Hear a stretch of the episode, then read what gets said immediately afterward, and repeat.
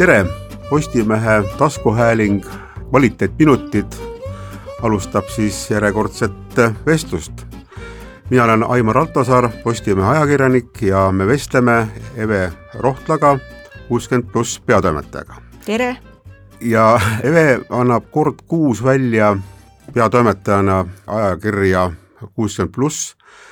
ja tegelikult on huvitav ka neid teemasid, mis kuuekümne plussi kätte tulevad ja millest siis Eve ja tema kaastöötajad kirjutavad, aeg-ajalt mõnda asja nagu üle rääkida ja, ja mis on nagu, nagu sellised huvitavamad arengud, mida sa nüüd viimasel ajal kuulnud oled, mis siis nad kas selles numbris või mingis järgmistes numbrites võiksid ette tulla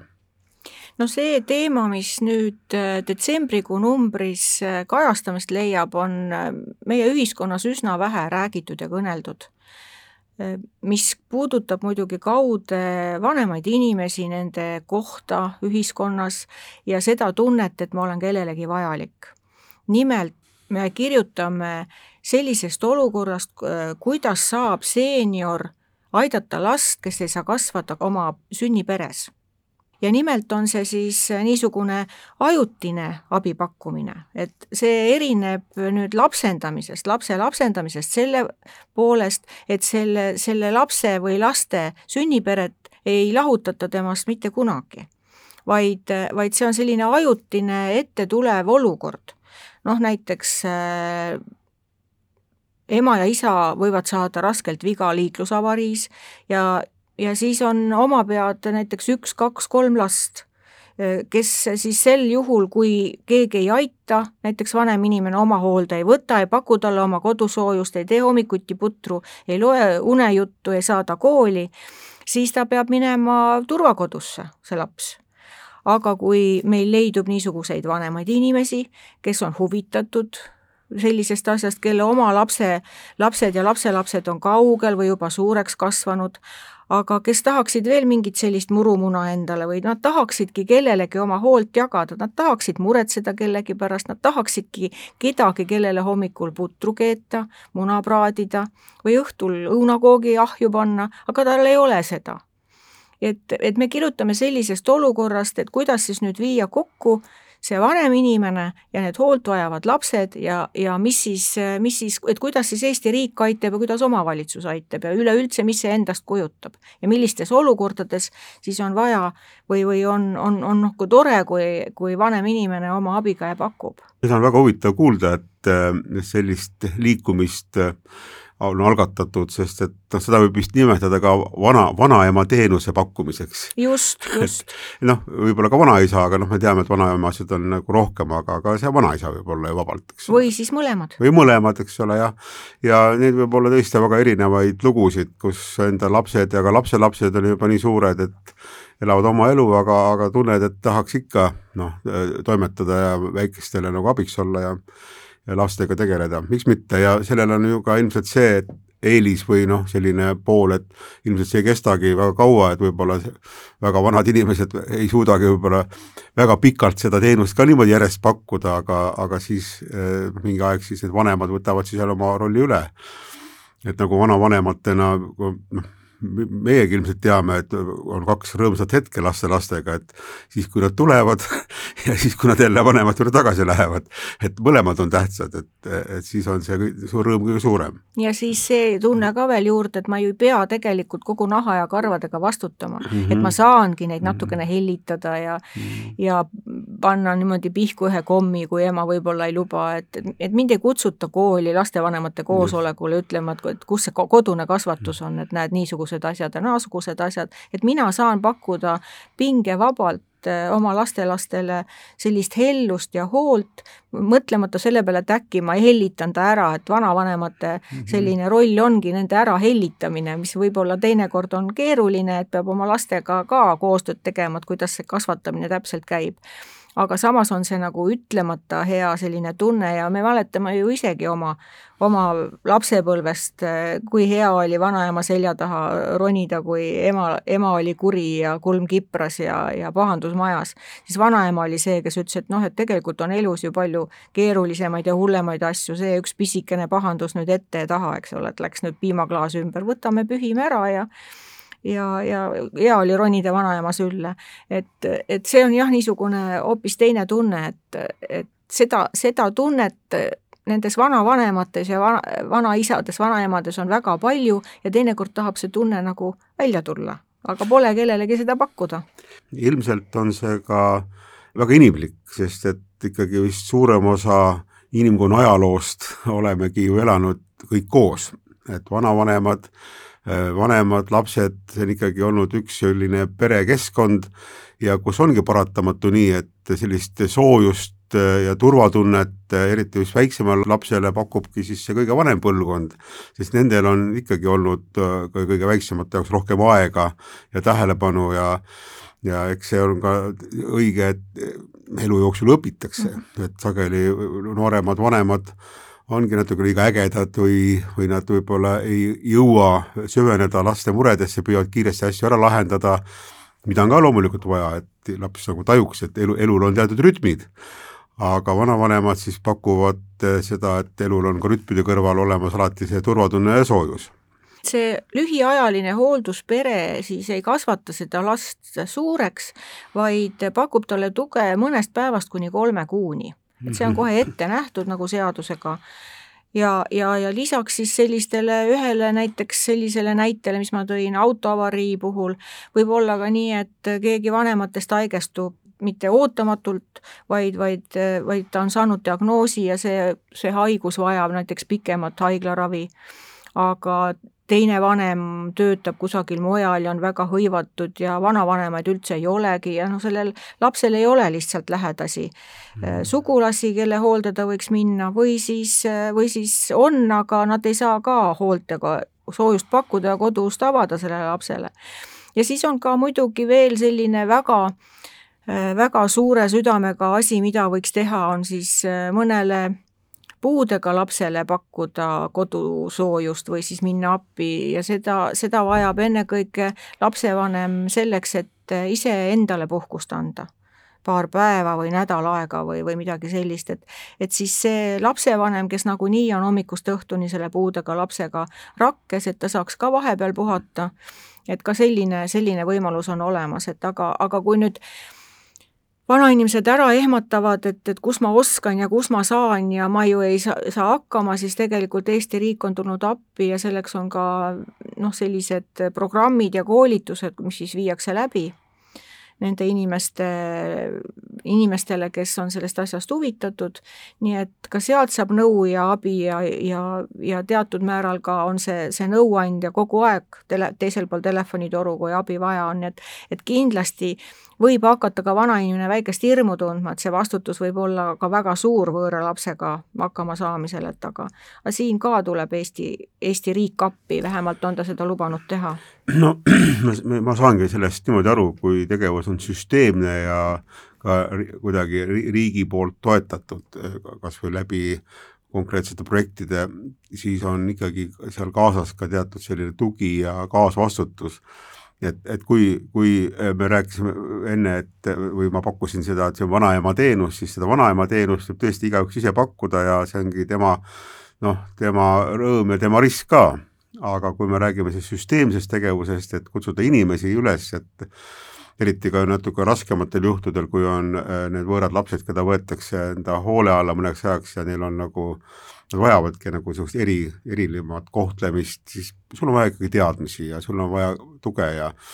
nii et, et see süsteemne vanaema teenus on ikkagi tagatud ja toetatud juba siis sellise võrgustiku poolt. Ja seda siis nüüd, äh, nagu me oleme kuulnud, on Sotsiaalministeerium siis ka toetamas. kas see oli kodukandiga, kas see on liikumise kodukand kaudu? jah, kodukandi kaudu ja. jah, vabatahtlik seltsiline. vabatahtlik seltsiline, jätame meelde, vaba, vabatahtlik seltsiline on siis selline liikumine ja ma arv-, arvan, et seda informatsiooni saab siis kohalikest omavalitsustest, sotsiaaltöötajatest, võib, võib vaadata loomulikult ka kodukandi eh, kodulehtedelt, ilmselt peaksid need viited olema et siis mõlemalt poolt, et kas kellelgi on huvi seda teenust pakkuda või kellelgi on vaja seda teenust, et eh, siis on kohad, kus neid saab kokku viia. et need on nagu niisugust kaks eh, eri suunda, kui ühel pool siis eh, seenior pakub pisikesele elus mitte hakkama saamale inimesele oma tuge ja oskusi ja kogemusi ja nõu ja ja pannkooke ja puhast pesu. Ja teisel puhul on siis tegemist vanema inimesega, kes on võib-olla elus natukene ära lõigatud, kes on kartlik, hirmudes, kes võib-olla kardab ka seda, et, et, et kuidas ma siis sealt kuidas ma siis sealt pangaautomaadist raha kätte saan või, või, või, või on lihtsalt füüsiliselt vaja toetada teda, tal on kas puusaoperatsioon olnud või midagi sellist ja kepiga on praegu libedaga väga raske liikuda, et on keegi noorem või atsakam inimene või kas või samas vanuses, aga, aga veidi kobedama tervisega, kes teda siis küünarnukist toetab ja kellega koos on lihtsam asju ajada, ükskõik milliseid, kas või poodi leiva ja piima järele minna. nii et, et siin on siis ühelt poolt on noored ja abitud ja teiselt poolt natukene keerulisemas olukorras vanemad inimesed, kes vajaksid siis nooremate inimeste abi ja seltsi. Läksimegi siit juba laiemaks ja mul on äh, laiemale skaalale, et tegemist ei ole ainult vanaema teenusega väike, väikestele lastele, vaid üldse sellise äh, sotsiaalse äh, tugisüsteemi pakkumisega läbi selle, et inimesed moodustavad teatud sellise võrgustiku ja see on tegelikult ka ju mingis mõttes hästi unustatud vana, et, et jälle inimkond on enamiku ajast elanudki sellises noh, kogukonnas, kus äh, kedagi ei jäeta nagu tähelepanuta ja, ja kõik saavad siis seda äh, soojust kas siis oma eakaaslaselt tuge või siis äh, nagu me rääkisime, et lapsed saavad seda soojust siis ka vanematelt inimestelt. Ja minu arvates on väga suurepärane algatus et vahepealne aeg, kus kõik olid väga nii-öelda ära spetsialiseerunud ja oma, oma lahtrites ja oli suur lootus, et et riigil on või avalikul sektoril on siis võimalus nagu kõik nagu oma lahtrites kuidagi nagu ära rahuldada, noored ja vanad ja terved ja haiged ja et, et, et see on jah, kindlasti ka jääb, see, see ongi nagu see tugi, et riigil on võimalik pakkuda eri teadmisi ja oskusi, aga seda ikkagi viivad ellu inimesed ise oma suhetega, et see, see suhe inimeste vahel on see kõige suurem väärtus. nii noored ja vanad omavahel, vanad omavahel ja ka tegelikult noored peaksid õppima juba üsna väiksest peale, nii kui neil oma eh, juba kõnevõime tekib ja liikumisvõime tekib, pisikestel peab oska-, tekkima see tahtmine ja oskus eh, suhelda teiste inimestega, et see on suur väärtus. noh, näiteks nüüd on see teisipidi, eks ole, et, et on vanem inimene, kellele tahab äh, näiteks teismeline laps külla minna, sest temal ei ole vanavanemaid. tema jälle otsib endale vaat just seda soojust ja, ja, ja tuge. ja teisipidi siis vanavanem, kes või vanem inimene elus juba pikemat aega elanud inimene, kes pakub jälle sellele väiksele hingesoojust, et ainult, et see vahe on nüüd nende kahe kahe suhtlemisviisi vahel, millest me siin praegu oleme rääkinud, et äh, vabatahtlik seltsiline on nüüd täiesti vabatahtlik. Ja ilma igasuguse rahastamiseta, selline lihtsalt äh, sõbra, sõbra käsi, et lähen külla ja, ja teeme midagi, et äh, kas, kas loeme raamatut või, või ma lihtsalt kuulan, kuidas sul päev läinud on ja ja, ja, ja, ja kuidas sa hakkama saad, eks ole, et kas sul on mingit niisugust erilist abi vaja, et, et siin tuleb nüüd, nüüd toonitada, et see vabatahtlik seltsiline ei ole sotsiaaltöötaja.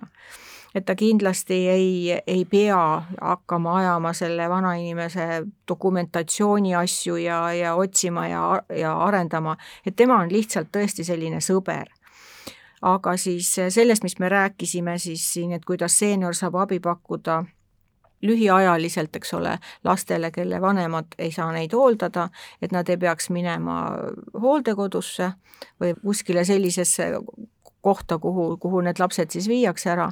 kes on omadega hädas, siis, siis nende, nende puhul on nagu olukord natuke teistmoodi, siin tuleb riik ja omavalitsus ka rahaliselt appi. nii et seal natukene siis vaadatakse, et missuguse vanainimesega või millise või kellega tegemist on, et milline on olnud tema elu ja, ja laste kasvatamise oskus, aga tuleb ka toonitada, et nii nagu Sotsiaalministeerium väitis, et ka üksik meesterahvas võib siiski lastele abi pakkuda, et siin on küll ka mingisugused eitamised, et mida ei tohi kindlasti olla, näiteks kriminaalkorras ei tohi olla inimene karistatud, et neid asju kõiki jälgitakse. et mit-, mis ma tahan nüüd, kuhu ma tahan jõuda, on see, et kindlasti on inimestel hirmud ja kartused, et kuidas ma lasen võõra inimese oma uksest sisse ja kindlasti on teisipidi ka riigil väikene hirm, et, et kuidas ma annan selle lapse selle inimese hoolde. et nii palju, kui ma olen aru saanud, see kõik on, on sellise, sellise meeldiva suhtluse käigus välja selgitatav ja inimese elulugu vaatav, et, et samamoodi ka see vabatahtlik seltsilise teenus, et vanainimene võib ju karta, et igasuguseid petiseid liigub ringi, me küll me kuuleme, kuidas jälle sadu tuhandeid välja meelitatakse,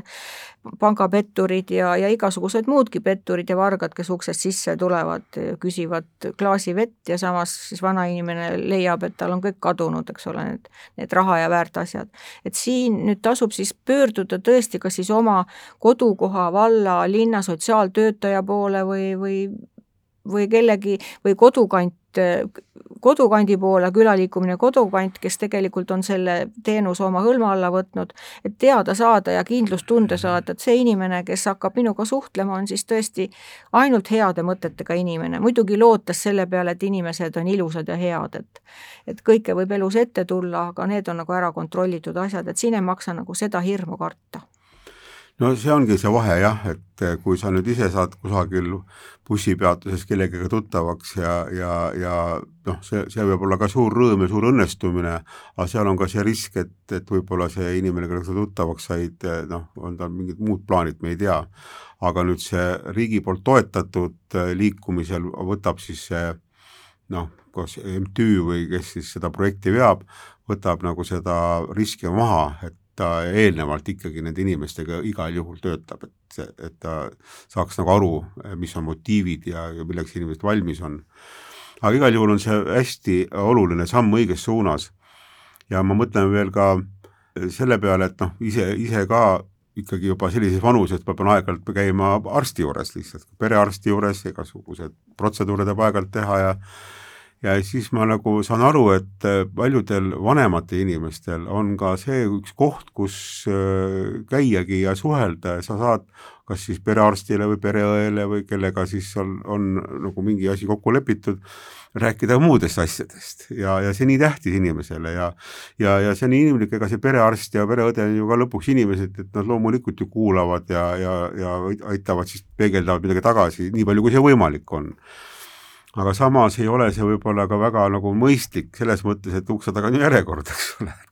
et, et on veel asju, mida nad peavad tegema. et kui meil oleks nüüd piisavalt tugev selline sotsiaalsete sõbra eh, suhete võrgustik, mida siis ka toetatakse, siis sa saad nagu oma need peegeldused kätte et eh, noh, minulgi on mõned vanemad inimesed, kellega ma nagu noh, need on nüüd suguluse kaudu pigem ja ma tajungi, et, et see nii tähtis kas või pooleks tunniks nädalas äh, temaga kokku saada ja kuulata ja siis mis veel, veel juhtub inimestega, et eriti kui sa juba jõuad teatud vanusesse, noh, seitsekümmend viis, kaheksakümmend, noh tänapäeval kaheksa, kaheksakümmend viis, siis võib juhtuda, et inimene, kes on olnud muidu sotsiaalselt väga tugev, tal on sõpru ja kolleege ja aga need on kõrvalt ära kadunud ja, ja siis äkki avastad, et, et ta on pärast viimase sõbra matust, et et kellega ma nüüd räägin et, et, et see, see selline üksi jäämine ei ole ainult seetõttu, et inimene ongi olnud üksik ja siis avastab selle ühel hetkel, vaid vaid ka täiesti noh, nii-öelda sotsiaalse võrgustikuga inimene võib mingil hetkel jääda üksi, eks ole, et et me peame nagu arvestama, et see on mingi nagu noh, asi, mis võib meid kõiki alati tabada või ja siis on väga hea teada, et mul on ikkagi aeg-ajalt tuleb sõber, kas siis noor inimene või ka vanem, kes, kellel on aega sinuga natukene suhelda ja mõtteid vahetada, et et see on hästi-hästi inimlik ja ma arvan, see väga paljud hädad ka vähenevad, inimene on ikkagi rõõmsas meeleolus, ta saab suheldud, ju siis eks, eks see kehaline tervis ka on parem seetõttu. pluss ka see, et noh, need sotsiaaltöötajad, meditsiinipersonal, kus vanemad inimene ikka käib, et nendel on siiski jätkub rohkem aega äh, akuutsemate teemade jaoks, et see on hästi suure mõjuga, mõjuga tegevus jah, me praegu räägime hoopis teisest pandeemiast, pandeemiast, mhm. koroonatõvest mm, -hmm. aga on ju peetud äh, meie sajandi suurimaks pandeemiaks üksindust ja seda me ju ei oskagi võib-olla võrrelda siin meie sinuga, et, et kumb see üksindustunne nagu suurem on, kas see, kui ma olen peaaegu kogu elu üksi olnud või siis see, kui mul on kogu aeg ümberringi olnud hästi palju inimesi ja ma siis äkki üksi jään. nii et, et üksindus on valus nii ehk naa ja me ei tea, kui palju on neid inimesi tegelikult, kes selles üksinduses vaevlevad ja, ja kedagi, kellegi teise häältki igatsevad kuulda. Äh, seda me teame täpselt, et äh, perest eraldatakse igal aastal ligi kakssada viiskümmend last, kellest pooled vajavad asendust kodu. aga seegi on tegelikult ju väga suur arv ja, ja siin noh, abikäsi on igal pool vaja, õigemini abikõrvu ja, ja abisuhtlemist, abi, abikõnelemist, eks ju kui me jah, Eestis mõtleme kakssada viiskümmend last, kui neist pooledki saaksid sellele läbi juba nagu natuke õnnelikumaks, siis on juba väga suur asi. et siin ei ole nagu pisiasju, et iga, iga laps, iga selline saatus väärib tähelepanu ja, ja kui selline tegevus meil on nagu võimalik, seda tegevust on võimalik korraldada, siis seda tuleb teha et ma saan aru, et kuuskümmend pluss on sellele nagu tähelepanu pööranud ja pöörab ka edaspidi. jah, ühesõnaga detsembrikuu numbris, mis nüüd iga kuu teisel mm. laupäeval trükivalgust näeb, me sellest kirjutame ja kõik need, kes hakkavad huvi tundma, et et kas ma sobin hoolduspere vanemaks ja mida ma selleks pean ette võtma ja kuhu ma pean pöörduma, kellele helistama ja kui palju siis riik või omavalitsus mind selles kohas toetab, siis, siis tasub see ajakiri muretseda, sest seal on täpselt kõik kontaktid olemas telefoni telefoninumbriteni välja, nii et sealt saab täpsemalt teada äh, ja mõelda selle peale, et kas ma, kas ma seda soovin või mitte ja kas ma üldse sobitun sellesse seltskonda, kes, äh, kes võiks nagu vanaema või vanaisa teenust pakkuda no seda on nüüd ilmselt hea teada ja ma arvan, et igaüks saab seda võimalust ise kaaluda. aga see oli siis tänane meie väike äh, mõttevahetus kvaliteetminutites ja stuudios olid Eve Rohtla, kuuskümmend pluss peatoimetaja. ja Aimar Altosaar, ajakirjanik Postimehest. aitäh kuulamast